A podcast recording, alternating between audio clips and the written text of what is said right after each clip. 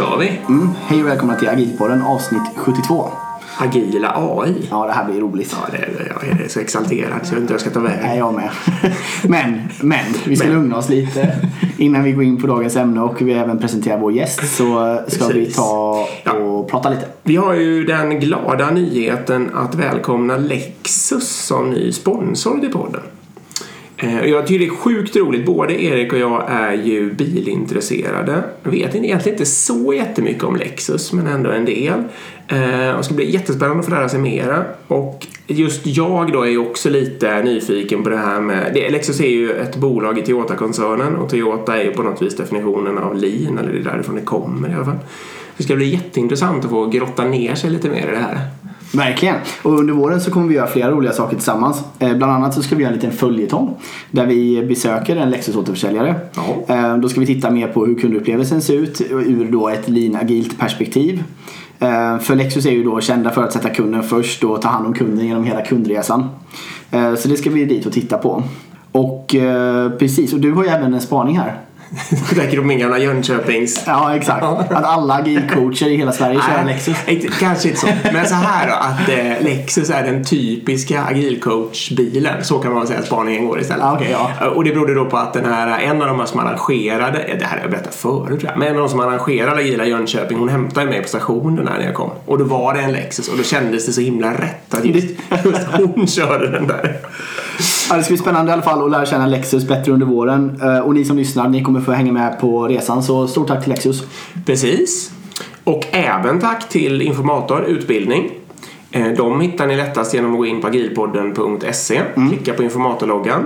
Det finns ett fantastiskt kursutbud. Om ni anmäler er i februari är det va? Mm, och anger Agilpodden som referens. Exakt. Ni har någon vecka på er här. Ja, ni, så får ni 25% på alla agila kurser. Så då ska ni utbilda er till Scrum Masters eller agilcoacher eller något annat roligt. Exakt. Tack till dem också. Yes. Nu kastar vi oss in här och säger välkommen till Anders Arpteg som är värsta AI-experten. ja, exakt. Välkommen. Tack så mycket. Vem, vem är du? Berätta. Ja, jag är en AI-nörd, forskare som har på med AI i en 20 år är väl nu. Så, ehm, jag började väl med AI eh, och doktorerade i Linköping för ja, 20 år sedan ungefär. Ja. Och sen tänkte jag väl först att jag skulle fortsätta och forska inom... Förlåt, 20 år sedan. Nu är det, så det alltså, år 2000 typ Ja. så doktorerade du på det här ämnet. Exakt. Ja, det, det var tidigt. Det känns ganska tidigt, ja. Exakt. Ja. AI har funnits i över 60 år, men ändå. Ja. Ah, okej, bra. Men det har hänt mycket sista åren som gjort det mycket Ja. mer kraftfullt. Men ändå. Ja, nej, men jag höll på med det då och sen tänkte jag väl att jag skulle fortsätta inom akademin och vara egentligen då en akademisk forskare in, inom universitetsvärlden.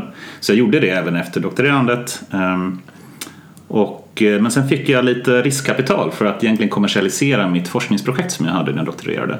Men det var villkorat på att jag var tvungen, tvungen att jobba i industrin Ja, ja, ja. med AI. Ehm, Så då gjorde jag det och sen märkte jag Alltså det är ju roligare att jobba med AI i industrin än i akademin. ja. Eh, Framförallt för att man slipper hålla på eh, och skriva forskningsansökningar 40% av tiden som man faktiskt tyvärr gör i en del i alla fall universitet idag. Forskare vänner till mig också berättat det. Ja. Så att kunna jobba med AI i industrin där man verkligen ser hur det kan påverka direkt eh, användare och vårt samhälle, det var faktiskt mycket mer givande. Och faktiskt kan man göra det på hög forskningsnivå också. Ja. Och speciellt där jag jobbar idag då, där det är Peltarion, så har vi då en egen forskningsgrupp som jag leder. Där vi eh, försöker att lära oss hur man på bästa sätt använder just senaste AI-tekniken för liksom riktiga eh, use case, riktiga användarfall, riktiga tillämpningar och riktiga dataset. ja. Otroligt spännande. Ja, verkligen. Ska vi, eh, vi får väl börja i vad, är AI i din, din uppfattning om AI? Ja, jag ska försöka hålla det här kort. Det är lätt att man pratar för mycket om det här ibland. Och Många personer har många åsikter om hur man ska definiera AI på bästa sätt. Men jag tycker att faktiskt en av originaldefinitionerna, det här kommer ända tillbaka från 1956 och John McCarthy eh, som först definierade AI som the science and engineering of building intelligent systems. Or Okej. intelligent machines sa han egentligen. Ja. Eh, Och jag tycker det är, det är ganska bra definition för att den dels pratar om the science, vilket betyder alltså kunskapen om hur man använder de här algoritmerna för att få någon slags intelligent beteende. Men också att man behöver ingenjörskonsten. Du måste kunna bygga systemen så man verkligen kan dra nytta av det. Så det krävs båda de två typerna av kunskap för att kunna bygga de här intelligenta systemen så att man kan använda AI till någonting som man har nytta av. Och själva så här... eh, Vad heter det, definitionen av ordet intelligens i sammanhanget? Liksom. Har vi någon, finns det någon miniminivå där? Eller är det något, alltså, Nej, men det, det är en flytande skala. Ja, det, det kom faktiskt en, en, en intressant forskningsartikel av skaparen av Keras, François Chollet heter han, som kom nu för, förra året här, för några månader sedan. Och han, han hade en intressant definition som jag faktiskt gillar ganska bra. Eh, Men om man ska berätta vad intelligens är, man kan prata om olika saker här. Dels kan man prata om kunskap, dels någon förmåga att kunna lösa saker och ting, skills, Ja. och dels intelligens. ja. Så han definierar intelligens som um, a skill acquire, efficiency to, to acquire a skill. Så ju mer eh, eff- effektiv du är att kunna få en förmåga att lösa komplexa uppgifter desto mer intelligent är du. Okej. Så där kan man ta allt från spela schack eller kunna lära sig översätta ett annat språk eller sådana saker. Ju mer effektiv du är att lära dig den förmågan Ja, okej. desto mer intelligent är du. Och det kan vara allt från spela fotboll till att spela schack till att eh, lära sig förstå röntgenplåtar från eh, en MRI-scan eller någonting. Eller vad som helst. Alltså den förmågan att snabbt kunna lära dig att bli effektiv att lösa den här uppgiften. Lära dig köra bil i ett samhälle snabbt med självkörande bilar till exempel. Ju mer effektivt de kan lära sig att bli effektiv att lösa en komplex uppgift desto mer intelligent är du. Ja. Ja, det var ju spännande. Det var ju smart. Det är definitionen, precis. Ju mer effektivt man lär sig. Och det finns inget krav på att... Um, alltså det, vi kallar det AI även om den skulle bete sig på samma sätt varenda gång i en liknande situation och sådana där saker. Ja, sådana- så länge den liksom löser en komplex uppgift Ja. så är den intelligent. Ja. Man kan skilja lite grann på kunskap. Liksom. För kunskap kan man ha en hög nivå av men möjligen inte vara så intelligent ändå. Alltså Ja. du kan memorera dig hur du översätter till kinesiska genom att memorera varenda ord eller någonting. Då har du jättehög kunskap men det är inte nödvändigtvis hög intelligens för den skull. Så där kan man se en liten skillnad. Nej, precis. Intressant. Men när- för när man pratar om AI egentligen så brukar det ju komma massor med begrepp flygandes.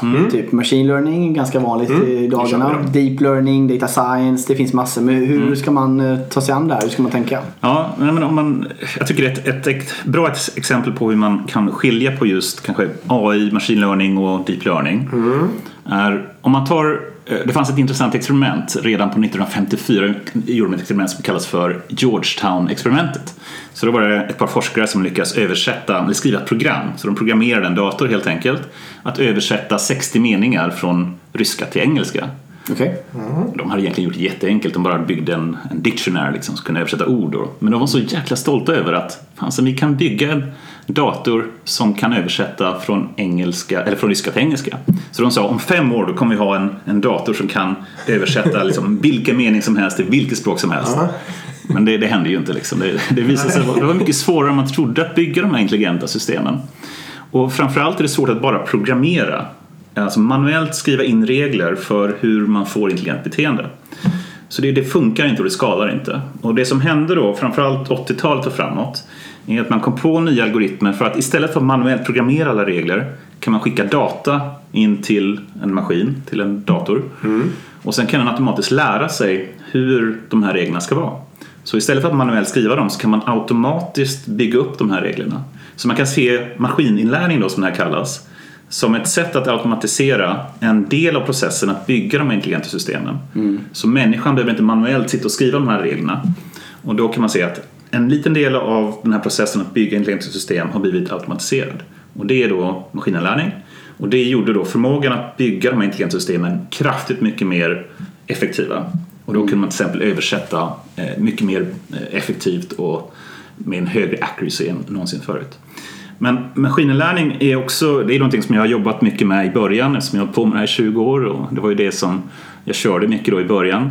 Men problemet är att man måste se till att transformera den här datan som man skickar in till maskinen exakt rätt. Man måste bygga de här features, eller feature engineering som man kallar det för. Och då, gör du inte det exakt rätt så kommer de här prediktionerna som man gör med maskininlärning att vara fel. Så det var väldigt känsligt och du fick lägga 80-90% av din tid att bara bygga de här featurerna som man har. Så det som har hänt nu kanske de sista 5-10 åren är att med den här deep learning-teknik som, som har kommit så kan man också automatisera byggandet av features. Så vi hade först den här automatiseringen att kunna prediktera olika regler. Nu har vi också automatiserat en del till, vilket är den här omvandlingen av data till en, någon representation. Så det kallas ibland för representation learning. Okej. Och det kallar man för deep learning Ja. ofta. Eller Så- representation learning. okej. Så det är de här, ja, Ja, ja, men bara för att tydliggöra. ML är de här olika, liksom mer eller mindre statistiska modellerna som skapar. Statistik eller ska vad? säga någonting annat. Det, det är lite en okej. tredje metod. Men, men säg alltså- att maskininlärning är den här metoden när man använder data för att bygga upp någon slags eh, automatisk prediktion av något slag. De, de här, alla de här begreppen är väldigt överlappande och folk har olika åsikter om vad som är vad. Men ehm, om man tar just översättning och jobbar med text så exempel på en statistisk modell skulle vara så här TF-IDF kallas det för. Så det är term frequency och inverse document frequency. Så man bara räknar antalet förekomster av ett ord. Det här är ingen inlärning utan det är bara liksom en statistisk så beräkning av hur många gånger saker och ting förekommer till exempel. Det är mer exempel på en, säga, en traditionell statistisk metod. Maskinen är lite mer att man liksom lär sig någonting från data och kommer fram till någon slags modell som är då upptränad. Och det är då ett steg längre. Och sen deep learning blir då liksom ett steg till där man kan säga nu skickar vi in rådata, inte de här features som man har manuellt byggt upp utan mer rådata och då kan den lära sig själv när den representerar den och sen från den här representationen kan man göra en prediktion som då blir mycket mer kraftfull. Och, och eh, begreppet data science då? Är det något du skulle använda? Det finns många företag som missbrukar det begreppet kan jag säga. Man, man kan väl skilja på ett par olika begrepp där. Dels att säga analytics eller business intelligence, data science, machine learning engineer. Om vi pratar just jobbroller så finns det många sådana här olika roller som man kan prata om vad det egentligen betyder. Och data science eh, brukar vara egentligen, det ska ju egentligen enligt dess definition vara någonting mer kopplat till forskning, alltså science. Ja. Men det är sällan sen det som det är. Men om man har en korrekt, eller ja, mer, ska vi säga, Det är du som är facit här idag. Du kan tro det vad du vill. om man definierar data science som jag vill, kanske inte som alla andra vill, men som jag vill, så ska det innefatta att man verkligen använder maskinlärning och gör det på en hög forskningsnivå också. Okej. Ja, just det, med signifikans och så att säga. Alltså, Nej, men så det finns ju ett vetenskapligt eh, tillvägagångssätt som är en sak. Sen finns det en annan sak när man jobbar bara för att liksom bygga och vill ha en produkt färdig snabbt. Liksom. Så det gäller att man själva sättet man tar fram en lösning eller ett svar på en fråga. Det ska mer handla om att ta fram kunskap. Det är det som egentligen är forskning så att säga och science. Just det. Men så du tycker att data, det är okej att säga data science och det är okej att man menar eh, att använda ML men det ska vara på ett forskningsmässigt sätt? Ja. Så ett forskningsmässigt sätt att använda data kan man säga. All right. Fair enough. Och AI innefattar alla de här sakerna vi just har pratat om i praktiken? Mm, faktiskt. Eh, Jag skulle vilja påstå det. Det här är- många som tycker olika saker om och framförallt är det väldigt många som missbrukar begreppet AI och de, de, tycker, de vet att det är så hypat idag med just AI-begreppet så de säger att de använder AI när de egentligen inte gör det. Så ett sånt typexempel på missbruk av AI skulle jag säga det är när man egentligen bara gör BI eller Analytics och bygger en dashboard eller kör Tableau eller någonting för att få någon förståelse av eh, olika KPI som man kanske har till ett företag. Det är såklart jätteviktigt och jättebra och man är datadriven och man bör försöka använda datan för att förstå hur ens eh, verksamhet fungerar. Men det betyder inte att det är AI för den skull. Kan vi ta något exempel på, alltså ett, ett praktiskt kommersiellt exempel där man faktiskt använder AI eller machine learning? Bara så man liksom kan koppla det till något verkligt. Absolut, vi, vi, kan ta, vi har många exempel på Peltarion. Ehm, Jag kan ju berätta lite om Peltarion kanske först så ni förstår bakgrunden där. Men, ehm, jag kom till Peltarion för tre år sedan. Då var det en av in- investerarna som kom fram till mig och så sa de Anders, har du talas om Peltarion? Jag bara, nej, jag har aldrig hört talas om. Men det är faktiskt ett företag som har funnits sedan 2004 egentligen. Och I början var det bara de här två eh, grundarna som hade en konsultfirma och de använde neurala nätverk och den här senaste tekniken från början även innan deep learning var populärt så att säga. Eh, Men sen börjar folk förstå att oj, det verkar hända någonting inom AI. Så här 2015, 16 och framåt. Och inte bara data scientists eh, förstod det utan nu börjar även eh, investerare förstå att oj, det här med AI verkar ju påverka hela vårt samhälle. Men det de också kunde se då var att de här stora teknikjättarna vi har, Facebook, Google, Amazon, Alibaba, Tencent, Baidu med flera. eh, De har eh, de vet hur man ska använda den här tekniken och de tjänar grova pengar idag på att använda den. Men det man också kan se i samhället är att alla andra företag inte vet hur man ska använda det och de misslyckas ofta när de försöker använda framförallt den här senaste AI-tekniken. Så där har vi ett stort problem. Något som vi brukar kalla för AI gap. Alltså vi har någon, någon slags eh, gap mellan de här stora teknikjättarna som bara springer fortare och fortare. De har mer och mer data, de har forskningsgrupper, de har datainfrastrukturen på plats och de kan tjäna jättemycket pengar på det. Men andra företag som försöker göra misslyckas och de hamnar längre och längre efter. Så Ja, precis. Och- Vill du gå in på vad det beror på? Eller Exakt. du spara den? Du Ja, nej, nej. Och en, ett, ett av de största problemen där är att verktygen som finns för den här senaste AI-tekniken är gjorda av Google, Facebook, Amazon för Google, Facebook, Amazon. Det vill säga det är de här PyTorch, TensorFlow, MXNet, Gluon med mera. De är gjorda av de företagen och de har egentligen bara tagit sina egna interna verktyg och open sourcat dem och tror att men nu kan alla andra börja använda dem direkt. Och många tror så här, bara för att det finns open sourcat en ny så Google BERT-modell eller någonting så tror man att man direkt kan implementera och använda den och integrera det, i sitt eget system. Men det kan man inte. Och nästan alla misslyckas när man försöker. Så helt enkelt nivån och kvaliteten och mogenheten på de här verktygen är för dåliga. Jämfört med vanliga så här, mjukvaruutvecklingsverktyg som finns. Ja. Så här, versionshanteringssystem eller continuous Ja. integration and deployment eller ganska Kubernetes. Och alla, alltså, Standardiserat liksom. Ja, de är mogna. Liksom. i sin startup. Alla, nästan de flesta företag kan snabbt börja använda Ja. dem. Men försöker de använda verktyg som finns för deep learning så kommer många misslyckas. Men Beror det också på det här att de inte har då uppsättningen av typ hur man ska hantera data och de har inte de pipelinesen på plats och de Ja. vet inte hur man ska tvätta data och så vidare. Exakt. Det beror på den biten också att de, inte, de är inte vana vid det arbetssättet liksom. Jo, vi, vi har faktiskt som jag skrivit forskningspapper av det här som försöker förklara liksom, vad, vad är problemen just mjukvaruutvecklingsmässigt med att bygga sådana här AI-system. Och jag menar, ett sätt, eller det finns många problem här, men en stor skillnad är att vanliga mjukvarusystem de, de fokuserar på koden. Det vill säga, man kan hantera beroenden av olika versioner av paket för andra kodpaket och liknande. Det finns bra verktyg för det. Det är struligt ibland men det, det finns i alla fall bra verktyg.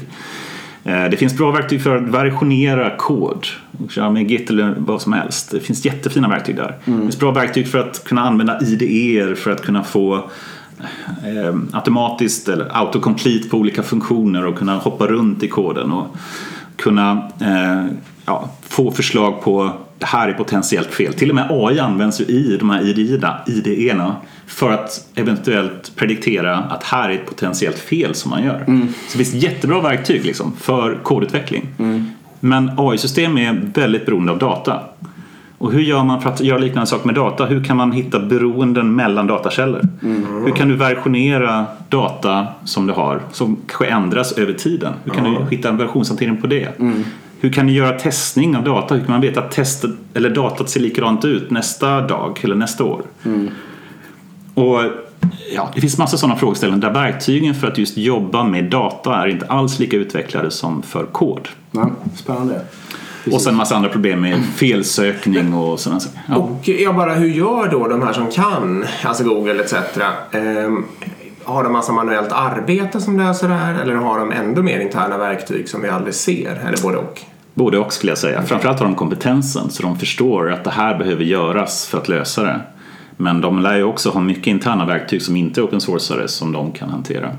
Vad är det för, ska vi glida på det bara lite, vad är det för kompetens som man behöver för att liksom kunna ha en framgångsrik AI-avdelning? Ja, det är en bra fråga. Vi kan gå tillbaka till begreppet data scientist. Ja, Det är egentligen det man behöver. Du behöver en data scientist, då kan det vara jättebra. Problemet är att data scientist behöver ha kompetenser inom massa olika saker.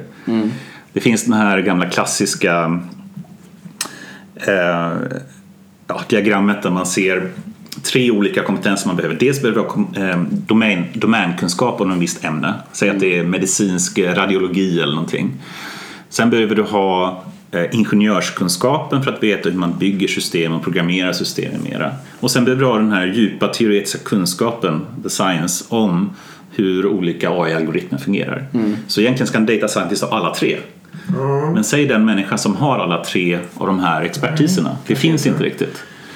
Så att där är ju ett stort problem då. Eh, Men har man ett stort team och har man framförallt forskargrupper som är då duktiga på AI-biten och kanske andra som är duktiga på domänbiten och en tredje som är jätteduktiga på ingenjörsbiten. Då klarar man av det. Och det har de här stora företagen. Men det har inte vanliga företag. Precis, man satsar ganska mycket pengar på det här också. Många av de här stora företagen. Ja, ja. Eh, Du vet, Google gick ju vad de kallar AI first i eh, 2016 tror jag det var. Ja. Ehm, Så de hade tidigare varit mobile first, det vill säga de ska se till att eh, den mobila enheten är det som är den primära enheten och alla deras tjänster och produkter ska funka jättebra på mobil, mobilen. Eh, Men 2016 sa de, nej nu har vi gått från att vara mobile first till att bli AI first. Det vill säga att alla deras produkter och tjänster ska ha någon, eh, någon del av AI-komponent i sig. Okej. Jag kommer ihåg jag uppgraderade nyligen min, eh, eh, min mobiltelefon, en Google Pixel-telefon som såklart har senaste versionen av Android hela tiden. Och jag såg nu när den fick den senaste versionen av Android, det stod det så här, vad är de nya funktionerna? Jo, det är eh, Adaptive Brightness, Adaptive Battery, Predictive App Actions. Alla de här nya funktionerna som finns, och jag menar alla, så är det någonting med att bli, bli adaptive eller predictive hela tiden? Och det är det som händer liksom, när man visar AI first. Liksom. Alla komponenter i ens funktioner och produkter blir intelligenta. Jag får hänga, förlåt, jag får hänga lite till på kompetens bara. En data scientist, vad har den typiskt för? Vad har den för universitetsutbildning? Liksom? Ja, idag finns det ju allt fler ska vi säga, machine learning-utbildningar och program som Ja. man kan läsa. Och det är klart att de är ju jätteviktiga att ha. Det vill säga att man har kunskapen om eh, vad AI är ur ett mer teoretiskt perspektiv. Det som är svårt är att de tar inte in till exempel domänkunskapen. Nej. Säg att du ska jobba med AI inom juridik eller AI inom medicin eller AI inom eh, eh, ja, vad kan vi ta för den? Spotify eller vad som- helst. Eh, det går ju inte att ha alla de domänkunskaperna. Nej. Eh, och det är också väldigt svårt att liksom, hur kan man både vara en toppprogrammerare och samtidigt ha alla teoretiska kunskaper för hur man jobbar med AI. Det är också jättesvårt att kombinera. Nej, men det, jag förstår hur du tänker där. Men jag, jag tänker inte bara helt enkelt, alltså vad har du själv för universitetsutbildning till exempel? Eller vad kommer? Vad Ja, är nej, men jag som... Ja, men jag, jag är ju dataingenjör från grunden såklart och sen då har jag ju doktorerat inom AI. Så det är ju, jag har ju pluggat allt för länge. Och data scientist, de rena data scientist-människorna, de är då från universitetet från matematik då? Eller vad liksom... Ja, men idag finns det mer renodlade eh, utbildningar som är, som är fokuserade på maskininlärning. Ah, okej. Både på KTH, Chalmers, Linköping med flera. Så det är oftast därifrån de kommer. Men det kan lika väl komma från, säg en eh, mer eh, ekonomisk eh, typ av eh, institution som sen då har någon specialisering inom AI. Och i framtiden skulle jag vilja säga att AI kommer bli naturlig del i alla typer av institutioner och ämnen. Så istället för att ha liksom en separat kanske utbildning bara för AI så kommer det snarare integreras in i de flesta utbildningarna som finns. Det är väl i klokt. Ja. Håller med. Jo, jag vill gå tillbaka till frågan eh, med något eh, praktiskt användningsfall. Hur märker man som konsument? Du var inne lite på det med telefonen där. Men om man tar något annat, till exempel YouTube eller Facebook. Hur märker jag eh, som konsument vad det är som vad är det AI hjälper till så att säga? Vad är det det ger mig som konsument? Ja, men en sån här lite rolig anekdot. Jag, jag vet jag fick någon fråga från eh, ja, en kompis till min mamma var det. Och hon sa så här. Det är så jobbigt med telefoner. De är så svåra att använda och jag kan inte navigera i menyerna och jag förstår inte vad alla knappar och vad jag ska trycka på och sådär. Det där med AI, det är ju ännu jätteavancerat. Alltså jag kommer ju aldrig kunna använda liksom en, en, en, eh, ett system som använder AI. Och så här, det är precis tvärtom. Det som AI kommer att göra med produkter och tjänster är att de är mer naturliga. De är mer anpassade och personifierade för den människan som har den. Eh, Ett, sån ett enkelt exempel är ju, säg sitter i en bil och idag sitter vi och knappar på mobiltelefon eller på någon display som finns i bilen. Men om du istället kan bara prata med den helt naturligt och säga nu vill jag göra det här och den förstår dig och förstår hela kontexten. Klart att det blir mycket lättare användning av olika tjänster än dagens konstiga display-fokuserade eh, tjänster som vi har idag. Verkligen. Ett annat exempel som jag tror många kan känna sig igen i är ju att om man går in på eh, Youtube och tittar på någonting Ehm, till exempel, jag gillar att kolla på bilar då. då är det, man skulle te- teoretiskt tänker jag att, för då kommer det komma upp rekommenderade videos som liksom tar mig vidare in i det här och hur många gånger har man inte fastnat i den loopen. Ja. Ehm, men, och det sjuka är att man kommer ju inte heller in, man kommer ju inte till en återvändsgränd liksom. Men det är inte så att de kör in dig, att säger att jag kollar på en bil och så kommer jag in på en annan bil och så är jag jättesmalt. Utan den liksom på något sätt håller ju hela tiden den här tunneln öppen och sen helt plötsligt sitter man och kollar på eh, en soptipp i Afrika liksom hur den funkar i någon vattenreningssystem och så, alltså, så här. Och det har varit en intressant liksom, resa. Och det är ju ganska spännande just med, med möjligheten att allting kan bli personaliserat. Eh, liksom all, allt hur man konsumerar. Och det går ju ganska långt ifrån om man tittar på hur det funkar idag med typ traditionell TV, traditionell radio i bilen. Där egentligen du, du måste gilla pop, kommersiell pop som alla andra gillar. Det är det du kan konsumera i princip. Det finns någon rockkanal liksom. Det är ungefär så mycket du kan. Och istället tänka sig att du kan sätta dig i bilen och slå på då eh, en annan typ av internetradio eller någonting där du kan få egentligen helt personaliserat innehåll. Exakt. Ja, Men, precis, men som ändå letar bland hela världens innehåll. Man har ingen egen samling eller något sånt där som man är tvungen att hålla sig till. Nej, exakt. Eh, Det var ju en kritik. Det är inte så länge sedan eh, som de här eh, sociala jättarna fick kritik för just för det omvänd, eller det som du sa inte hände nu då, nämligen att tunneln blev smalare och smalare och radikaliserade människor. Ja, just det. mot, eh, Filterbubblan ja. Ja, och i, precis. Dels förekommer den ju på, på nyheter och sånt men också till um, alltså radikalisera mot militant islamism och sånt där. Och det tror jag, det rapporterade de väl att de hade ändrat eh, hur de där algoritmerna jobbade sen. Därför att de höll med om att det var ett, eller på något vis accepterade det som påstånd. Känner, har du... Jo, men Kan man kan, fråga sig, liksom, man kan fråga sig hur är det här problemet med filterbubblan egentligen ser ut. Ja. Och man kan fråga sig, är YouTube, Google, Google och Facebook intresserade av att få människor mer och mer radikaliserade eller inte? är det så att de är ute efter att människan vill ha en så liksom, optimal användarupplevelse så de bara klickar så mycket som möjligt? Det är ju det som just anklagar dem för det, det maximerande och klickande som gäller och hur Ja. länge man är inne på en tjänst. På ett sätt så är det, vill många det ju. För jag menar, Youtube vill ju hålla kvar dig. Att du ska konsumera tid liksom. Eller Netflix och de här. De vill ju att du ska konsumera väldigt mycket tid där. Och det kan absolut vara en risk och framförallt med dålig AI så är det en jättestor risk om man bara optimerar på sådana enkla som KPI som man har. Men det finns ju också möjlighet att använda AI för att just ha en diversified liksom, rekommendationslista. Det är ju någonting som jag vet Youtube jobbar jättemycket med och de även gör som det, ja. Netflix och, och Spotify med flera. Ja. Så att, att få just en diversifierad ska jag, bild av, säg att det amerikanska valet som kommer nu. Det, det är jätteintressant att se vad som händer. Kommer ryssarna påverka eller inte? Kommer det att finnas liksom eh, någon slags algoritm som försöker få folk att rösta på ett visst sätt och så vidare. Eh, vad jag har hört i alla fall så kommer det vara väldigt mycket arbete med att se till att det blir en så objektiv säga, rapportering av nyheter som möjligt. Och Okej. det ligger i liksom, deras intresse att se till, till exempel hos Facebook, att det kommer att ske.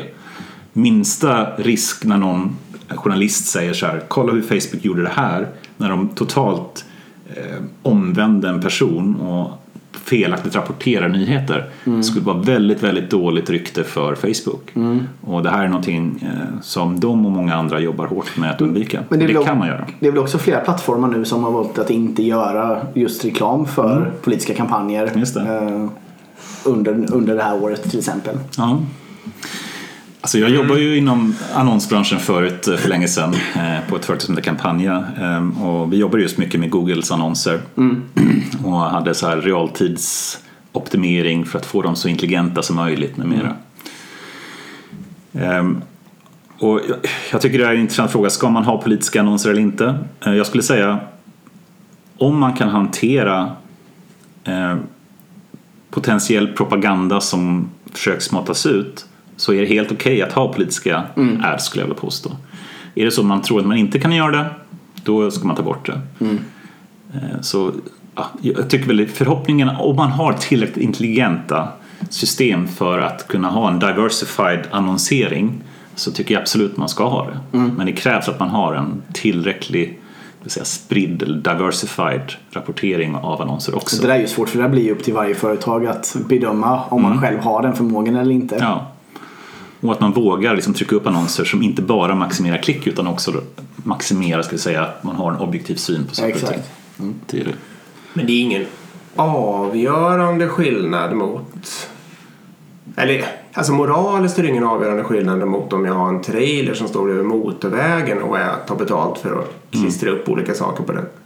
Nej, Eller? det kan det inte vara. Nej, men det är ju en helt annan skillnad när allting blir digitaliserat. Det blir en sån annan skala på saker. Jo. Du kan targeta människor på ett helt annat sätt. Så det är Jo. klart att det får en större effekt Ja, hos en digitaliserad till exempel annonskampanj än vad det är offline.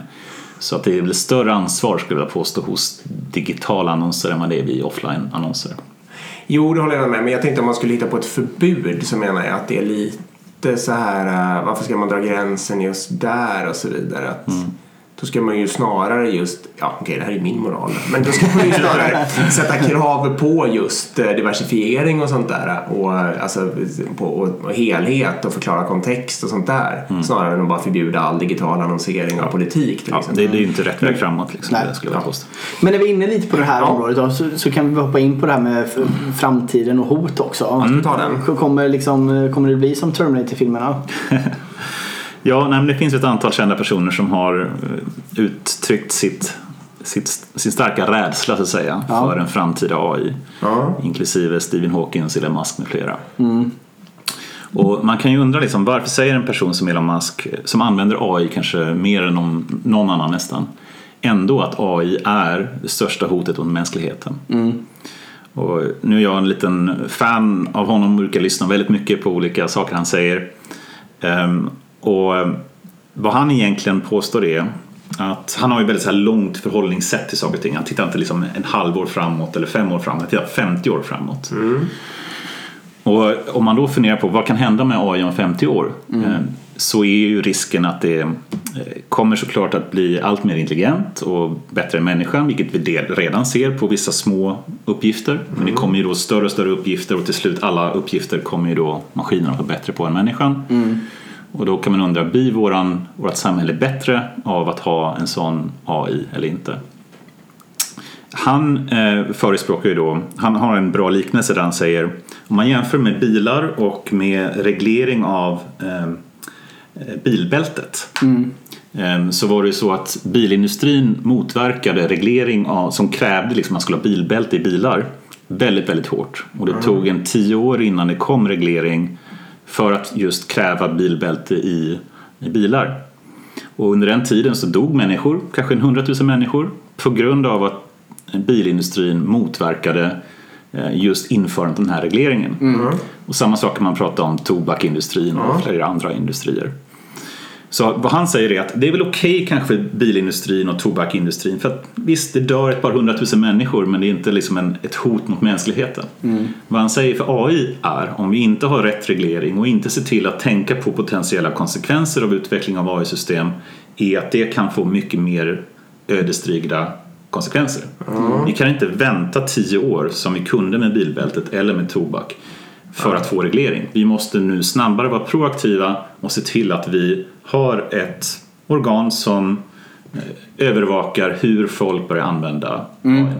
För det känns ju som, all sån reglering känns ju på default som den är väldigt långsam. Eller hur? Det känns liksom som Verkligen. innan det slår igenom inom hela världen och så vidare känns det som att det är ju tio år liksom. Men jag vill ju fråga så här, är det liksom, kan du föreställa dig att det finns en dator med medvetande så att säga? Eller som känner känslor och sånt där? Kan det bli någon utkomst bortom 50 år? Ja, vad är känslor då? Eh, jag kan ju lätt få känslor för mig själv och för andra människor. Ja. Men jag skulle säga att jag kan även få känslor för min bil. Ja, absolut, eller min absolut. dator. Ja. Nu är min dator väldigt trött idag. Liksom. Den orkar inte ens öppna en jäkla Windows eller någonting. Eller nu är min bil trött, den startar inte en kall vinterdag. Så jag skulle påstå att många känslor är en sån här, det är en abstraktion. Det är ett uttryck för att komplicera tillstånd hos- hos en komplex system. Människan är väldigt komplex. En bil är väldigt komplex som inte förstår alla detaljer i och en dator är absolut väldigt komplex. Så jag skulle säga att känslor är mer en abstraktion som gör oss möjligt att, ja, gör det möjligt för oss att prata om tillstånd hos komplexa system. Ja, men jag- Så ja, jag skulle säga i den bemärkelsen av känslor så absolut kan en maskin ha känslor. Men jag tänker så här, liksom, skulle en dator helt plötsligt kunna dra slutsatsen då i alla fall att eh, jag gör mig av med alla de här eh, människorna som bara stökar till det för mig i min större uppgift här som jag har uppfattat att jag har fått. Liksom. Och så bara tjoff tjoff så fyrar den av alla kärnvapnen eller vad det nu är. liksom. jag, kan, ja, jag vet inte om jag ska säga den här, det här är lite kontroversiell åsikt som jag har. Det här är men- podden, det är okej. Vi kör. Ja. Nej, men en del är rädda för singulariteten. Den dagen när vi har AI-system då som har mer generell intelligens än människan Ja. har. Vi är väldigt långt därifrån idag. Ja. Vi är inte ens i närheten. Men det kommer en vacker dag när en människa har mer generell intelligens än vad människan har. Och jag ska säga att jag, jag är inte rädd för när den dagen kommer. Jag är bara rädd för att den dagen kommer för sent. Och vad jag menar med det är att jag är mer rädd för smal intelligens än för generell intelligens. Jag är mer rädd för att ett land börjar använda AI för att skicka drönare som dödar personer eller sprider en biogas eller liknande. Den AI som finns idag och som vi kan sätta i drönare idag är kanske lika intelligent som myror. Långt ifrån människor. De bryr sig inte om liksom någon långs, eh, långsökt konsekvens som kan ske utan de bara tänker instinktivt på hur ska jag göra för att ta nästa steg. Ja.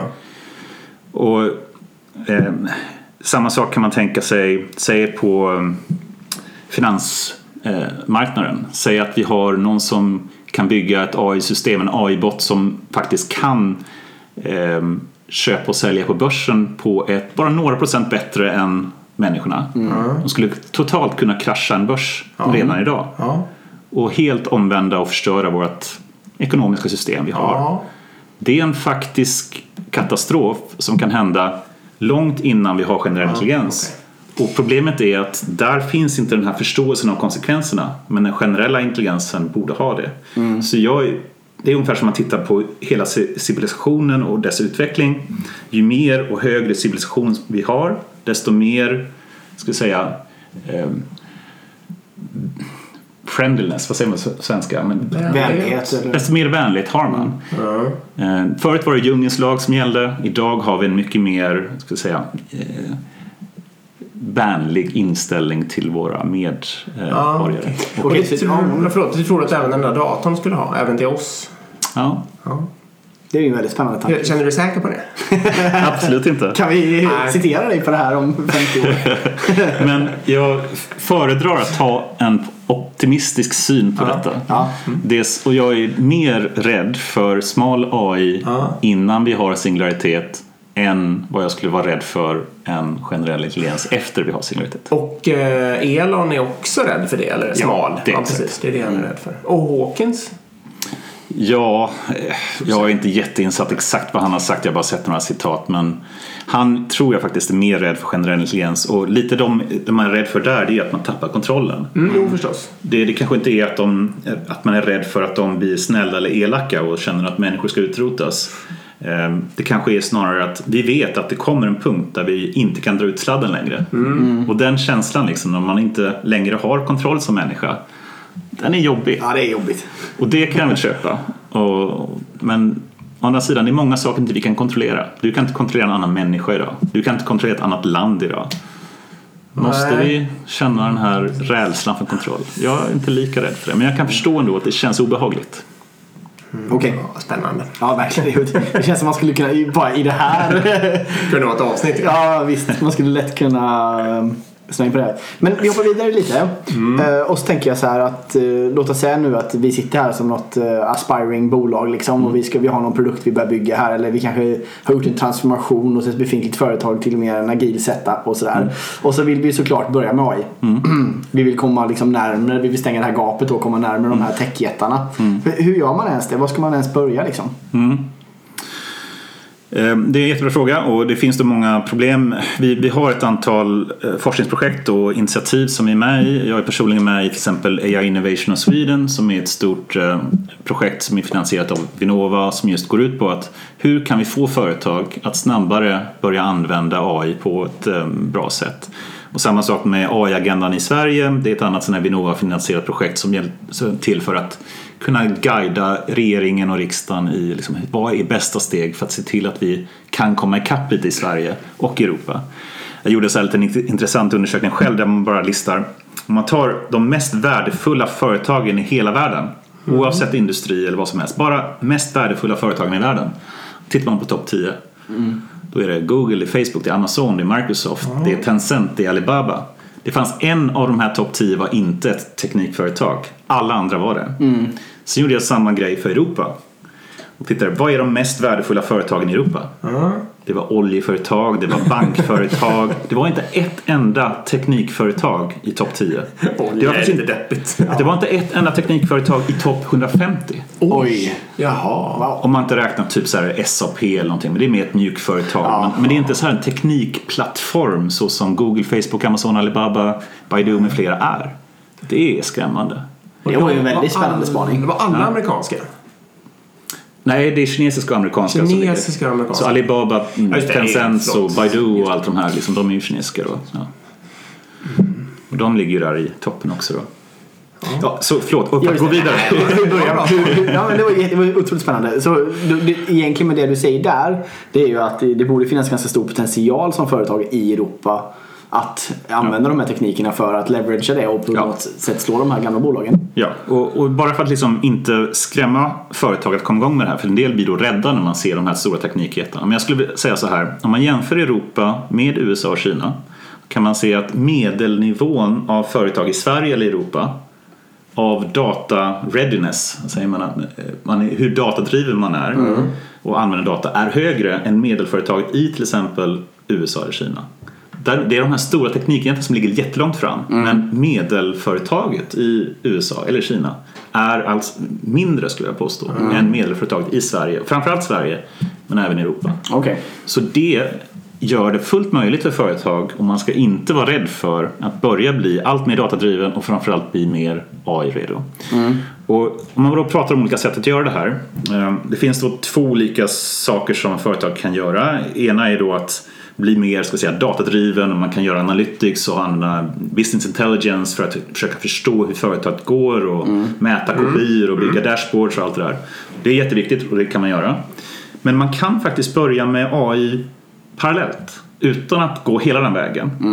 För AI egentligen eh, får störst nytta om man använder den i alla delar i företaget. När det är liksom en naturlig del, kanske i produktutvecklingen, kanske i marknadsföringsavdelningen, kanske i ekonomiavdelningen, kanske i inköpsavdelningen, kanske i ja, IT-avdelningen. Alla de här olika delarna, när de börjar använda AI som en naturlig del i varje del av företaget och de olika delarna själva kan använda bilder, text, ljud för att försöka få människan eller deras produkt mer intelligent. Då har man börjat dra bästa nyttan av AI. Det kan man göra utan att man kanske har värsta analytics-system. Så en del är lite rädda att börja liksom, vi måste först liksom bygga upp de här stora analytics-systemen och alla dashboard fram och tillbaka innan vi kan köra AI. Men det skulle jag säga är fel. Båda är viktiga, men det kan faktiskt börjas parallellt. Men rent så här superpraktiskt då? Är det alltså um, leta efter en data scientist, en duktig programmerare och en med domänkunskap och sätta dem i samma rum? Eller vad är liksom? Ja, nej men absolut. Försöka hitta bra kompetenser är jättebra och tyvärr väldigt nödvändigt fortfarande idag. Men det som är Pelta- Peltarions mål och det vi jobbar med där det är ju att få bättre verktyg för senaste AI-tekniken. Så om vi hade bättre verktyg, inte bara de här open source forskningsverktygen som finns idag som är faktiskt mycket svårare än folk tror att integrera och använda på riktigt. Det kan vara lätt att köra någon Keras tutorial som trycker igenom akademiskt dataset och man får någon output. Men att verkligen kunna operationalisera, alltså det vill säga integrera det in i sina system som har fått värde, är väldigt svårt. Så vi försöker bygga då verktyg som gör det möjligt att med enkla, så enkla medel som möjligt utan att man är en data scientist kan börja använda de här teknikerna. Så det är det som är vårt mål. För jag tänker också att eh, om eh, vi skulle vara ett stort företag här nu och så säger vi då att okej men vi lägger absolut in i vår strategi att vi ska bli ett datadrivet företag. Eh, vi eh, ser till att liksom börja jobba med den biten. Samtidigt så vill vi liksom på något sätt börja med AI i parallellitet då. Eh, vi går med på det du säger. Ja. Eh, då tänker jag att då kanske man vill börja identifiera användningsfall. Liksom. Var, var kan det vara bra att använda? För jag Ja. tänker att det finns eh, lättare och svårare användningsfall också. Ja, ja. Det borde finnas några användningsfall som är lite mer avsmalnade som kanske inte innefattar att du måste ha all data Ja. redo, massor med pipelines och så vidare. Eh, och sen börja med det då, för då, då är du liksom igång på något sätt och då börjar du ha intern kunskap om det och så vidare. Och så Ja, kan du ta det Mm. Ja, så en basal grej man rent praktiskt kan börja med om man är intresserad av att börja testa riktig AI i sitt företag. Det är ju att börja se vilken data har jag tillgänglig idag. Det här är ju beroende av att man har data. Det som är lite intressant med den senaste AI-tekniken är att det faktiskt inte krävs så mycket data som man alltid tror. Eh, Till exempel några företag som jag har jobbat med på Altorian har eh, har vi till och med använt zero shot learning som det kallas för. Alltså det vill säga, de har inte en enda datapunkt men ändå kan man börja använda AI. Så Det är intressant. Ja, så det börjar komma och det är liksom en väldigt viktig forskningsinriktning nu att försöka ha modeller som kräver mindre och mindre, framförallt annoterad data, men ändå kan man börja använda AI. Men ändå är det ju så såklart att de delar av verksamheten, de use case, de användningsfall inom industri eller sitt företag där man just har data idag som man kan börja träna på. Det är det som är bäst att börja med. Så där man hittar problem, jag brukar säga så här ibland att problem som är lösbara för en människa inom tre sekunder, eller sånt, det brukar vara ett känt uttryck, är någonting som kan automatiseras ganska lätt. Så har du de här korta enkla uppgifterna som människor sitter och gör som också finns data för då är det en så här low hanging fruit för så någonting som man kan börja försöka använda AI för. Coolt. Och det jag också vill trycka mycket på där, en del säger att man ska använda AI för att ersätta människan och det tycker jag är verkligen fel sätt att tänka på utan det är snarare att använda AI för att augmentera eller förstärka människan. Och bara för att ge ett konkret exempel där, eller några konkreta exempel. ehm, vi hade till exempel samarbete med Elekta och det är ett medicinskt företag som har uppfunnit en, en gammakniv. Det är en kniv som kan använda gammastrålar för att döda vävnad, till exempel i hjärnan. Så om man har en hjärntumör kan man då använda den här kniven för att utan att operera ta bort den här tumören. Och för att göra det så behöver man nog veta exakt var finns den här tumören och vilken typ av tumör är det. Och idag sitter ju då människor och kollar på här hundratals röntgenbilder och försöker liksom se vilken typ är det där och var exakt i hjärnan finns den här. Så det är väldigt kostsamt men det är väldigt onödigt att ha en väldigt dyr och liksom svårhittad radiolog som sitter och gör det här. Så just den uppgiften att sitta och segmentera in precis vad hjärnan är och klassificera den är ett typiskt exempel på en uppgift som kan automatiseras av AI. Så då kommer radiologen kunna fokusera på det som den är bra på, vilket är att bygga upp en behandlingsplan för patienten. Och så låter man den förstärkas, använda AI för den här tråkiga uppgiften av att kunna hitta var i bilderna av hjärnan finns. Precis. Då har man en Det är ju bra exempel. Och det tänker jag, det är klassiska sånt här exempel också när folk frågar mig vad är i alla fall och Ja. eller man kan använda machine learning så brukar jag säga att ett bra exempel är om man tränar modellen då med till exempel hund och kattbilder liksom. Så, så här, vi kastar in tusen kattbilder och tusen hundbilder liksom. Och sen tar vi en kamera och kopplar på den här modellen så skulle vi kunna peka det på en hund och då kan modellen avgöra är det här en katt eller hund fast den har egentligen aldrig sett just den hunden då. Exakt. För att den lär sig, ja precis. En generaliserare. Ja exakt. Det är bara å- återigen ett sånt bra exempel. Ska ni, eh, vad, vad tycker ni om begreppet RPA? Ska jag börja med min Ja, det börjar du. Jag ska bara säga till lyssnarna här att jag, jag, jag bara sa det under förberedelserna. Man märkte direkt att det här kan bli ett avsnitt. Ja, men för mig är det bra så här. Jag menar, för det första så använder det många som digitaliseringsstrategi vilket är helt vansinnigt tycker jag. Och många använder det också för att liksom, koppla det till AI-begreppet. Liksom. Så då kan man slänga sig med AI och digitalisering. Men RPA är ju egentligen bara en automatisering av ett skitgammalt tråkigt system liksom, som man inte borde ha. Det är min åsikt. Ja, menar, så. många gånger så, så, så liksom, ja, i vårt ekonomisystem måste vi trycka på 45 stycken knappar för att komma till en slutsats. Liksom. Okej, då är ju grundproblemet varför har vi ett system där man måste trycka på 45 knappar för att komma till slutsats.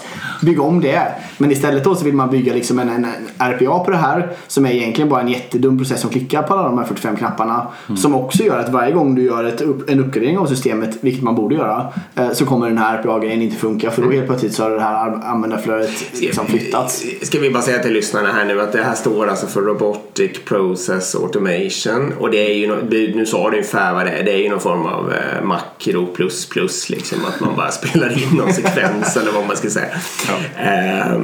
Ja, ja förlåt, och vad eh, Ja, säger alltså Anders? det, det kryper i min kropp när jag hör folk prata om RPA. Ehm, för det första har det ingenting med AI att göra oftast överhuvudtaget. För det andra har det ingenting med robotik att göra heller. Jag tycker det är viktigt att man försöker använda termer på korrekt sätt. Eh, Så robotik det, vet, det syftar ju på någonting som har en maskin som försöker röra på något sätt. En fysisk maskin, det är det som är robotik. Och det här har ingenting med robotik, det här är mjukvara som håller på med nästan alltid. Eh, Så det är dels fel med att det har ingenting med AI att göra och dels fel med att det har ingenting med robotik att göra. Så kalla det inte för någonting som det inte är. Liksom. Men en pro- Process Automation hade du kunnat acceptera?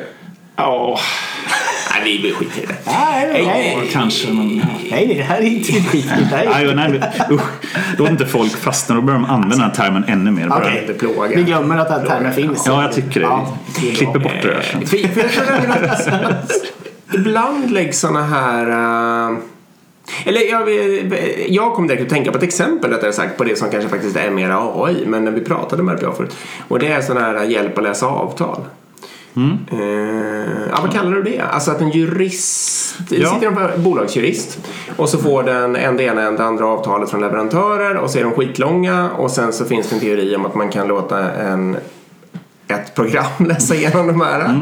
och eh, snabbt bara få så här förslag på, du ska framför allt titta på de här fem avsnitten liksom. Mm. Så hundra sidor blir det plötsligt bara liksom eh, fem stycken då, som man måste mm. läsa igenom. Ja, men det här är lite intressant. Det här är lite mitt special, specialitéområde, just NLP, Natural Language Processing. Mm, just det, det är en del av NLP också. Det här. Ja, mm. precis. Och det har ju hänt så otroligt mycket. Om, om vi tar deep learning, liksom, det började med bilder och det kom ju från 2012 när AlexNet slog igenom och plötsligt så hade man slagit state of the art eh, rekordet kraftigt med en deep learning-modell för att just klassificera bilder som hundar och mm. katter som vi pratar mm. om. Och sen såg man den här snabba utvecklingen av eh, allt fler modeller som bara förbättrar prestandan och accuracy på att just jobba med bilder på olika sätt. Mm. Som jag sett sedan 2012 och framåt. En liknande utveckling och revolution skulle jag vilja kalla det har skett 2018 eller 17 med text. Så 17 kom den här Transformer-modellen som slog State of the Art Record för maskinöversättning av text. Mm. Och sen 18 då, i slutet på 18 kom den här BERT-modellen som kan då använda en enskild modell, inte för att lösa en, ett textproblem utan många, typ tio olika textproblem med en och samma modell. Så allt ifrån till exempel textklassificering, vilket du pratade lite om precis mm. nu, till sentimentanalys, till text similarity, till question answering och en efter andra. Och det har varit en kraftig förbättring av alla de här tack vare den här transformer-baserade arkitekturen eller BERT-baserade modellerna som fanns. Mm. Och de är lite roliga inom AI-fält, om man har lite tekniknördar ute så, så kan man ju säga att den, det kommer från ett papper som heter Self-attention is all you need. Vilket är väldigt kontroversiellt för att den säger då att de här traditionella deep learning-teknikerna, vilket är antingen ett feed-forward-lager eller ett convolution-lager eller ett recurrent-lager. Det var de tre liksom huvudsakliga lager som fanns. Så kommer det papper och säger släng bort alla de där. Du behöver inget av dem. Bara self-attention. Mm. Möjligen feed-forward använder de fortfarande. Men convolution och recurrent var helt onödigt, sa det pappret. Så det var väldigt kaxigt. Eh, men det slog och revolutionerade förmågan att jobba med text på så många sätt. Mm. Så det här är faktiskt en av också Peltarions huvudintressen vi kan se för många företag som vi pratar med att det är mycket vanligare att företag har just data i form av text på olika sätt än till exempel bilder, eh, än, än kanske tidsserier eller tabulär. Så möjligheten att använda AI har liksom kraftigt ökats bara sedan förra året. Typ. På grund av de här möjligheterna att jobba med text på ett helt annat sätt än förut. Mm. Så till exempel för juristen då att kunna eh, hitta och klassificera delar av en text som är potentiellt farliga mm. kan man då göra på ett sätt som har så mycket högre accuracy än, än någonsin förut. Mm. Och en annan sån här teknik som jag sett eh, med text är väldigt generellt och väldigt användbart är text similarity. Så det man kan göra där är att man eh, säger att du har två meningar och det vill säga hur lika är de här? Mm. Eh, förut använde man statistiska metoder som bara räknar hur många ord, ja. gånger ord förekommer i, i samma mening eller tiofördiga förviktningsmetoder med mera. Men det man kan göra nu är att man kan ha en förståelse av hela kontextet. Så ett sådant klassiskt exempel är om man tar Word to Vex som kom 2013 där så den kan bygga upp en slags vektor, en embedding för ett enskilt ord. Så man tar ordet Paris till exempel då kan man få liksom en vektor på kanske 40 siffror som säger det här är vad Paris betyder. Men den tittar inte på orden som finns runt omkring. Så om man har en mening som säger ska vi säga, um, Paris Hilton is divorcing Orlando Bloom. Så, ja, jag vet inte vad det ah, ah, Men i alla fall, vi pratar om personen Paris ah. jämfört med Orlando Bloom is visiting uh, Hilton in Paris. Mm. Då vet man att Paris syftar i det fallet på staden Medan i andra fallet på personen. Och det kunde inte till exempel Word2Vec och andra hantera alls men det kan man nu med de här nya modellerna så man får en helt annan ny semantisk förståelse av vad meningar betyder. Mm. Så man kan börja prata om semantik nu eh, i meningar och verkligen förstå vad texten betyder. Mm. Och det har kraftigt liksom förändrat möjligheten att jobba med text. Jag, det är ju talat då, men jag tänker direkt på den här Google, du visste vad den Ja. hette tror jag? Duplex, ja. Duplex ja. Det är en, någon slags eh, assistent som kan ringa och boka en eh, jag tror det är två stycken exempel i det här Youtube-klippet och det ena är väl att den ringer och bokar en tid hos en frisör och det andra är ett restaurangbord. Och en av de där grejerna går ju inte alls som det är tänkt för det är fullt upptaget och den måste tänka om på något sätt. Och den klarar det. Helt... Eh, Ja, det finns några exempel också när man har... Man kan ju bara berätta lite hur den funkar då. Så tanken är att du ska kunna säga till din Google Assistant i telefonen eller din hemassistent eller vad det nu är för någonting. Kan du boka en tid eh, på en, hos en hår, hårsfrisörska nästa vecka eh, för en tid som passar mig? Och då ska assistenten kolla kanske din kalender och se när du har en ledig tid. Den ska leta upp en lämplig hårsfrisörska. Den ska ringa upp den här frisörskan, kolla finns det en ledig tid den tiden? Och om det finns en ledig tid ska den då göra bokningen. Och sen ska den återkomma till dig när allt är klart och säga Nu Anders har jag bokat en tid eh, för dig hos eh, frisören eh, Kroka håret i Södermalm. och, och den ska låta naturlig också när den genomför telefonsamtalet. Ja. Och det svåra här är ju framförallt då att kunna prata med en annan människa Ja. och föra en dialog. Det är jättesvårt. Ehm, och man, man kan undra hur, ja, jag ska inte säga någonting där. Eh, men för att göra det så behöver man massa olika komponenter. Skulle du säga att det var fusk? Eh, pass. Men givetvis så är det här en väldigt komplex uppgift. Dels behöver man omvandla då ljud till text, Ja. alltså automated speech recognition. Behöver ha den här texten då som kanske är en fråga eller ett svar på någonting. Sätta det i kontext av en hel dialog, Ja. alltså vad man har sagt och svarat tidigare. Prediktera vad ens nästa fråga, svar ska vara. Ja. Ta den texten omvandla tillbaka till ljud igen via en så TTS eller text to speech eh, Ja. eh, synthesizer. Och, eh, och sen kan man då föra den här dialogen. Och det där är på gränsen på vad man klarar med dagens AI. Det Ja. går att göra om man är liksom, ja, Det Google låter som det borde ta lite tid. Alltså, det borde inte vara supersnabbt allting. Nej, men, ja, men det, det går att föra. Men ja, det, det, är, det är på gränsen svårt. Men det, är- det är så pass nära att ett AI-system klarar av att göra det idag. Men det är på gränsen skulle jag säga. Ja. Mm. För det, och den är ju ändå, de, den duplex-filmerna är ju ändå kanske ett år eller två år gamla va? Eller sånt där, precis. Men det låter ju helt eh, realistiskt. Ja, så text to speech och speech recognition det funkar jättebra. Eh, Det här att kunna föra en dialog däremot det är mycket svårare än man tror. Så vad som är, saknas där är lite grann att man behöver den här bakgrundskunskapen som är svårt att ha för en maskin. Ehm, Så om man ger ett exempel på det. Det finns ett sånt här dataset om man pratar NLP här nu som kallas för Vinograd eller Vinograd Schemes. Och den är, det är speciellt uppsatt text eller frågor som är gjorda för att vara svåra för maskinen att förstå.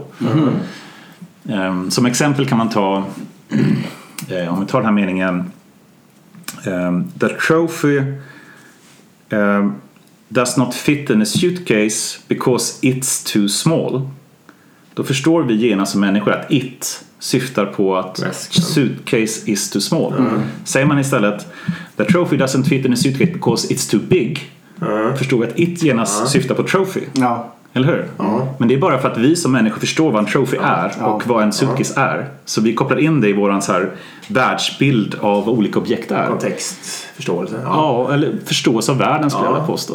Och det är någonting som dagens AI inte har. Nej. Utan den kan ha en förståelse av meningar av ord och så vidare men den har inte den här bakgrundskunskapen av vad olika objekt egentligen är. på Nej, nej, det kan man förstå. Där blir det svårt.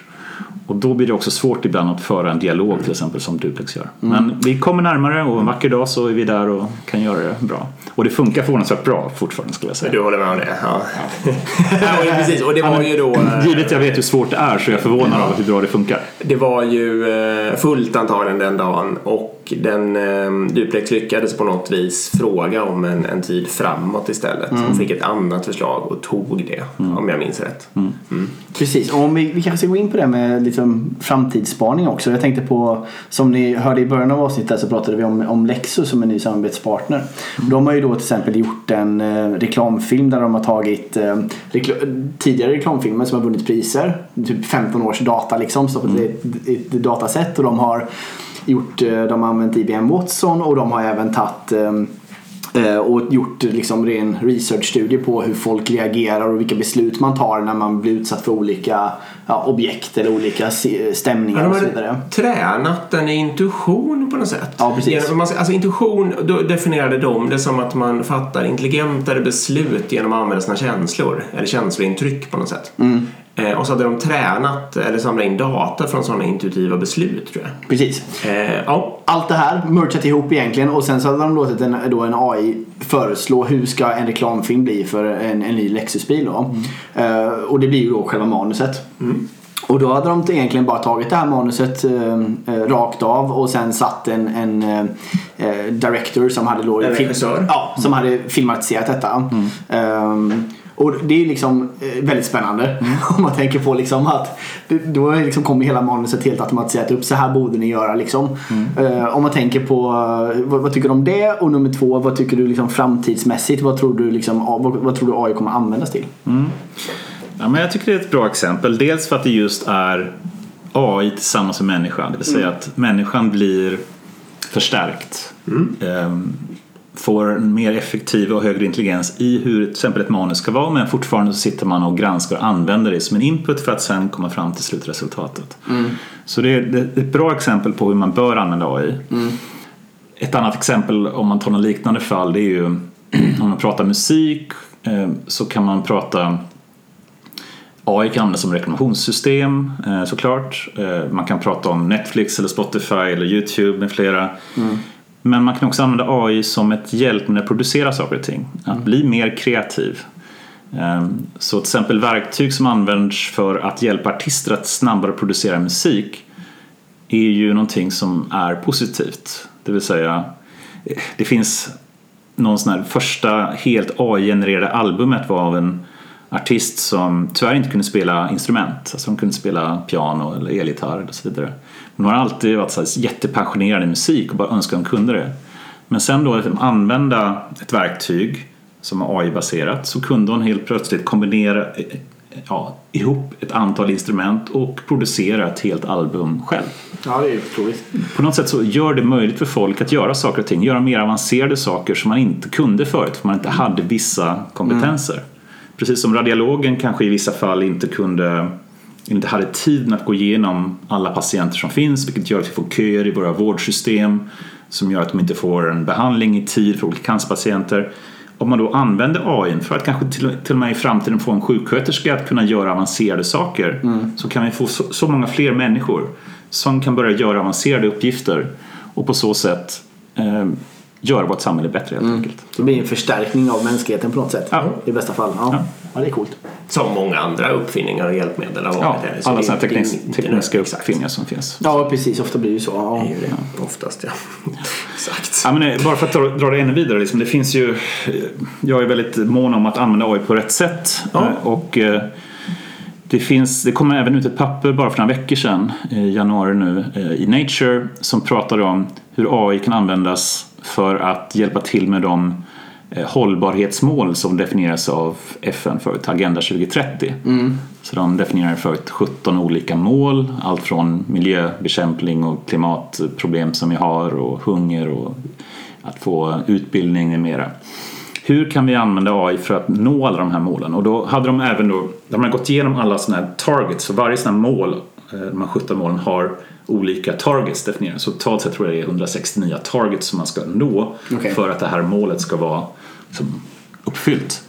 Så då gick de igenom varje sådana mål och sen så kollade de på i vilka av de här kan dra nytta av AI och vilka potentiellt skulle ha nackdel av AI för att nå de här målen. Man Intressant. säga att, ja, men vissa hade nackdelar. Till exempel alla datacenter drar väldigt Ja, mycket energi idag och det kan vara faktiskt dåligt för klimatet Ja. på olika sätt. Eh, Men om man då sammanfattar det där kan man säga att det var 135 stycken här för mig som var då eh, positivt hjälpt av AI och sen tror jag var 35 som var negativt hjälpt av AI. Så totalt sett då så kan AI vara en kraftig hjälpmedel för att kunna nå våra hållbarhetsmål inklusive liksom bekämpa klimatförändringar med mera. Så. Ja. Det kallades för social good på något sätt va? Ja. ja, men det jag pratar just om det är, det är risker med etik på olika sätt. Det är risker med datasäkerhet, det är risker med integritet med just dataanvändning. Men ibland kan man vända på frågan och säga så här. Eh, hur etiskt är det att inte använda AI? Om vi nu vet att AI kan hjälpa till till exempel med våra hållbarhetsmål Eller sjukvård eller sjukvård eller bekämpa ja, fattigdom med mera. Hur eti- etiskt är det att undvika det? Det tycker jag man också bör fundera på. Absolut. Så man, vänd, man kollar på båda sidorna så att säga. Nej, för då, jag bara tänkte på det här förut. Vad är det man har? De klassiska sakerna är ju social good och sen så är det ju tjäna pengar och sen så är det kriga. Det var de som kom upp i mitt huvud. Vi pratar om det. De är ju verkligen, eh, ja vad ska man säga, de pekar ju verkligen åt olika håll de här användningsområdena på något sätt. På något sätt, ja. Ja, men alla tekniker kan ju brukas på ett bra sätt men de kan Ja. också missbrukas på ett dåligt sätt. Så att det är klart att det är likadant med AI. Samtidigt som jag säger det då ska jag väl säga att eh, eh, fordon till exempel är väl exakt likadant. Att det kan användas för social good. Det används väldigt mycket för att tjäna pengar och det används väldigt mycket för krig. Så det är väl inte unikt för AI förvisso. Nej, verkligen inte. Det är två saker till som eh, jag vill prata om innan vi avslutar. Eh, ett är Amazon, Amazon Go som är ett koncept. Jag har själv varit i en sån här butik. Det är väldigt skumt egentligen. Man, man går egentligen in, man, man skannar sitt Amazon-kort liksom och sen så kan du, är det matvarubutik och du kan plocka på dig vad du vill. Eh, I Och gå princip. ut. Och sen går du ut. Exakt. Och då har den med olika tekniker så känner den igen vem du är och du kan koppla det till ditt kort och sen kan också då dra pengar från ditt kort. Eh, Och den har koll på vad du har plockat också. Ja, precis. Vad just det du har plockat. Exakt. Hur funkar det? Ja, nej, men det är ett jättekul exempel. Och det här med ansiktsigenkänning eller olika identifiering av personer givet kameror eller andra sensorer är någonting då som Amazon till exempel experimenterar mycket med. Vi gör det även i Sverige. Vi hade ett fall i den här Skellefteåskolan som försökte använda ansiktsigenkänning för att få bort langare på skolgården. De var dömda av GDPR. Men sen har vi också Kina såklart som också då använder ansiktsigenkänning med andra tekniker i För- ännu högre grad. Förlåt, vad har varit det för böter eller påföljd på det? Det? Det, ja, det vart ett belopp som jag inte vet exakt hur mycket det är men det vart ett bötesbelopp. Ja. Okej. Ja, förlåt. Fortsätt. Ja. Ja, men om man tar Kina då som exempel. Då, till exempel de, de har ju då ett system där om man går mot röd gubbe till exempel i ett så blir du automatiskt identifierad och så hamnar ditt ansikte och namn uppe på så här wall of shame, en stor skärm. Liksom. Här, här har du liksom gjort någonting dumt. Eh, Så jag känner en person som skulle testa det här en gång. Så han bara, Fan, jag vill komma upp på den här wall of shame. Funkar det verkligen? Liksom? Ja. Och så gick han då mot röd gubbe och sen bara blang. Så han bara, oj jävlar det funkar. Kul. Men sen så kollade han senare på sitt WeChat-konto och då kunde han se att de också automatiskt dragit ett bötesbelopp då från hans konto. Det är helt sinnessjukt. Men han har en lite rolig historia där. Det var, den funkar inte alltid så jättebra den här ansiktsigenkänningen så ibland blir det ju fel. Och då var det då någon miljardska, kinesisk sådan, som var på en stor bild på en buss. Så varje gång bussen passerade övergångsstället så trodde det här då AI att nu går den här personen mot röd gubbe. Så då hamnar den miljardskan uppe på Wall of Shame och då dras på hennes konto. Och Och, när bussen gick, bussen gick ju fram och tillbaka där hela tiden. Så ja, ibland blir det lite fel då. Så AI ibland är ganska dum måste man säga. Eh, Men det här är nog en värld som eh, vi kommer gå emot. Frågan är hur man gör det på rätt sätt. Så Kina har till exempel olika mål. De har till exempel ett mål att eh, vara cash-free 2020, vilket de mer eller mindre är redan. Så du behöver och knappt kan inte använda kontant längre. De har ett mål att vara ID-free. Jag tror det är 2025 eller något sånt ska vara det. Så det betyder alltså att du ska inte behöva ett ID-kort någon gång. Går du på en buss eller går du på en, in i en butik som Amazon Go, Go eller går någon annanstans. Den kommer automatiskt känna igen dig ändå så du behöver inte visa upp ditt kort eller identifiera det på något manuellt sätt så att säga. Och det ser de som ett mål då, att bli det. Indien har ju något sånt där va, på passkontrollerna. Mm. Alla indiska medborgare, då är det biometrik bara. Okej, de kan bara, bara. gå rakt igenom. Ja. Ja, nej, men det går väl mot det i de flesta länder med passkontroller och sånt. Även om man får använda passet fortfarande på många ställen så är det ju alltid att man lägger hand och får göra ansiktsbild och sådana De har tagit steget längre tror jag om jag minns rätt. Så det är helt enkelt kollar mot eh, liksom att det finns ett pass. Och gör, om allting är grönt så kan man bara gå. Ja, det, är coolt. Så det är frågan liksom hur, hur det där ser ut då från ett mer etiskt perspektiv. Eh, Och risken är ju såklart att det missbrukas och det måste vi göra allt vi kan för att undvika och det är det som Elon Musk med flera säger att vi måste se till att det här regleras på rätt sätt så det inte blir missbrukat. Men vi kommer ju ändå gå mot det hållet. Så så länge vi har rätt reglering som försöker minimera risk för missbruk så kan man hoppas att det här kommer ändå hjälpa vårt samhälle. Men det gäller ju att undvika att vi inte får det här Big Brother-samhället som då missbrukar den här möjligheten. Nej, och det, det är något vi måste tänka på tidigt och se till att det inte sker. Coolt. Ja, hade du en sak till du skulle säga? Ja, egentligen, men jag, vet, inte- jag, jag kan inte koppla in den här riktigt. Men jag, det, något man hör när man pratar om AI, ML och allting, det är också knowledge graph. Mm. Har du någon, eh, bara något att säga om det? Vad är det och vad går det Ja. att koppla in? Make this... Ja. Oj, har vi en halvtimme till eller?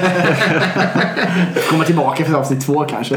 Nej, men, eh, det finns ju dels då Googles knowledge graph och, och de bygger upp någon slags ontologi eller en, en graf av olika koncept som är kopplade till varandra så man förstår att en president eh, med en viss ID liksom var född den och den tiden och så har man fakta liksom som är kopplade till någon stor graf av kunskap och fakta om saker och ting. Och relationer mellan fakta också, eller hur? Ja, exakt. Och eh, det här är Alltså, det här är någonting som jag har hållit på när jag doktorerar faktiskt ganska mycket med och har till och med undervisat i något som kallas för semantiska webben Ja, okej. för tio år sedan någonting, eller fem, ja, 15 år sedan nu nästan. Um, fan vad gammal jag är. Uh, ja. Men det var ju sån här tanke då på den tiden att man skulle bygga upp en maskinversion av webben. Så vi har ju webben idag som är HTML-sidor och man kan läsa som människor. Och, och då var tanken att ja, men maskinen förstår ju inte naturlig text och bilder. Liksom. Vi måste göra om den till en maskinläsbar version av webben och det kallas då semantiska webben. Och det var jättemycket resurser och tankar bakom det och man definierar olika logikspråk och skulle då kunna koppla ihop alla de här koncepten i en snygg logisk formel. Det misslyckades totalt. och eh, vi ser inte mycket av det idag men det finns lite spår av det fortfarande. Men själva tanken ändå att ha någon slags graf av koncept där vi har ska säga, bakgrundskunskapen av det som står i Wikipedia eller står inom vad det nu är för någonting är ju väldigt attraktiv tanke och vi har ju det delvis på Google och de har sina interna grejer av det. Det finns många andra som jobbat med det. Det finns det här gamla psykprojektet hette det. Det handlar om att samla all, funktion, eller all information som har med common sense att göra. Som man manuellt matar in så här hårda logiska regler och, och relationer mellan fakta. Det är också mer eller mindre dött. Det är så här 20-årigt gammalt projekt. Men jag tror ju att det är någonting som vore absolut superintressant att göra. Och jag tror att vi kommer allt närmare att kunna göra det. Jag tror inte att rätt väg är att liksom explicit ha en graf som, som har hårda fakta som är kopplade till varandra. Alla semantisk webb. Men att man har en mjukare variant av det. Ehm, Det finns en cool teknik som heter Differentiable Neural Computer. Så den har som ett slags externt minne och sen vanliga neuronala nätverk.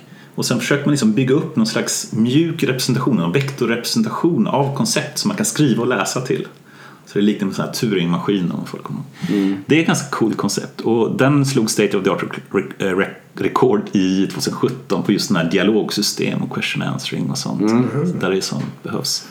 Det där tror jag är en intressant sak som nog kan bygga upp någon slags mjuk beskrivning av olika koncept och fakta och hur de relaterar till varandra. Så den vägen tror jag är jättebra och då kommer vi vacker dag få en fungerande knowledge graph snarare än det som de tidigare försöken har gjort. Okej. Så, Ja men cool. Då var det lite i framtidsspaningsfacket i den frågan fick landa.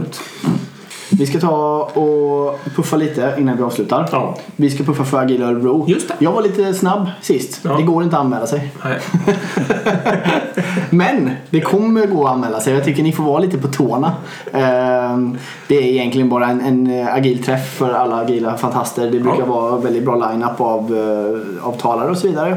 Så håll utkik över eh, ute efter Agila Örebro. Googla på Agila Örebro och vi kommer också fortsätta prata om mer här framöver. Vilka talare som kommer vara med och vad som kommer hända på den konferensen. Och sen så ska vi säga tack för, till Informator för att ni är med oss. Verkligen. Och möjligt. Och tack till Lexus för att ni är med oss. Ja. Det kommer komma mer om Lexus. Verkligen. Och tack till alla som lyssnar. Och jättetack till Anders för att du kom hit. Då. Ja, precis. Stort tack för att komma hit, jättekul att, att prata. Vill, vill du puffa eh, för något sist, något, någonting också innan du går? Eh, nej, men det är väl generellt. Liksom, kolla upp vad AI egentligen är. Ha en eh, positiv syn på att om vi använder det på rätt sätt kommer det vara en stor hjälp för ver- verksamheten och samhället i helhet. Vill ni testa till exempel vad man kan göra med senaste NLP-teknikerna och med BERT och det här. Vi har en liten kul tutor- tutorial på Peltarion så ni kan söka efter Peltarion BERT tut- eh, tutorial och då kan ni bara följa ett par steg när man testa och leka lite själv och sånt där. Så det, är ett kul sätt att själv komma igång och testa lite. Okej. Det ska vi göra. Cool. Och vill man agilpodden någonting så är det agilpodden at gmail.com Ja, eller agilpodden på Insta. exakt. Då säger vi så. Tack så mycket. Tack. Hej hej.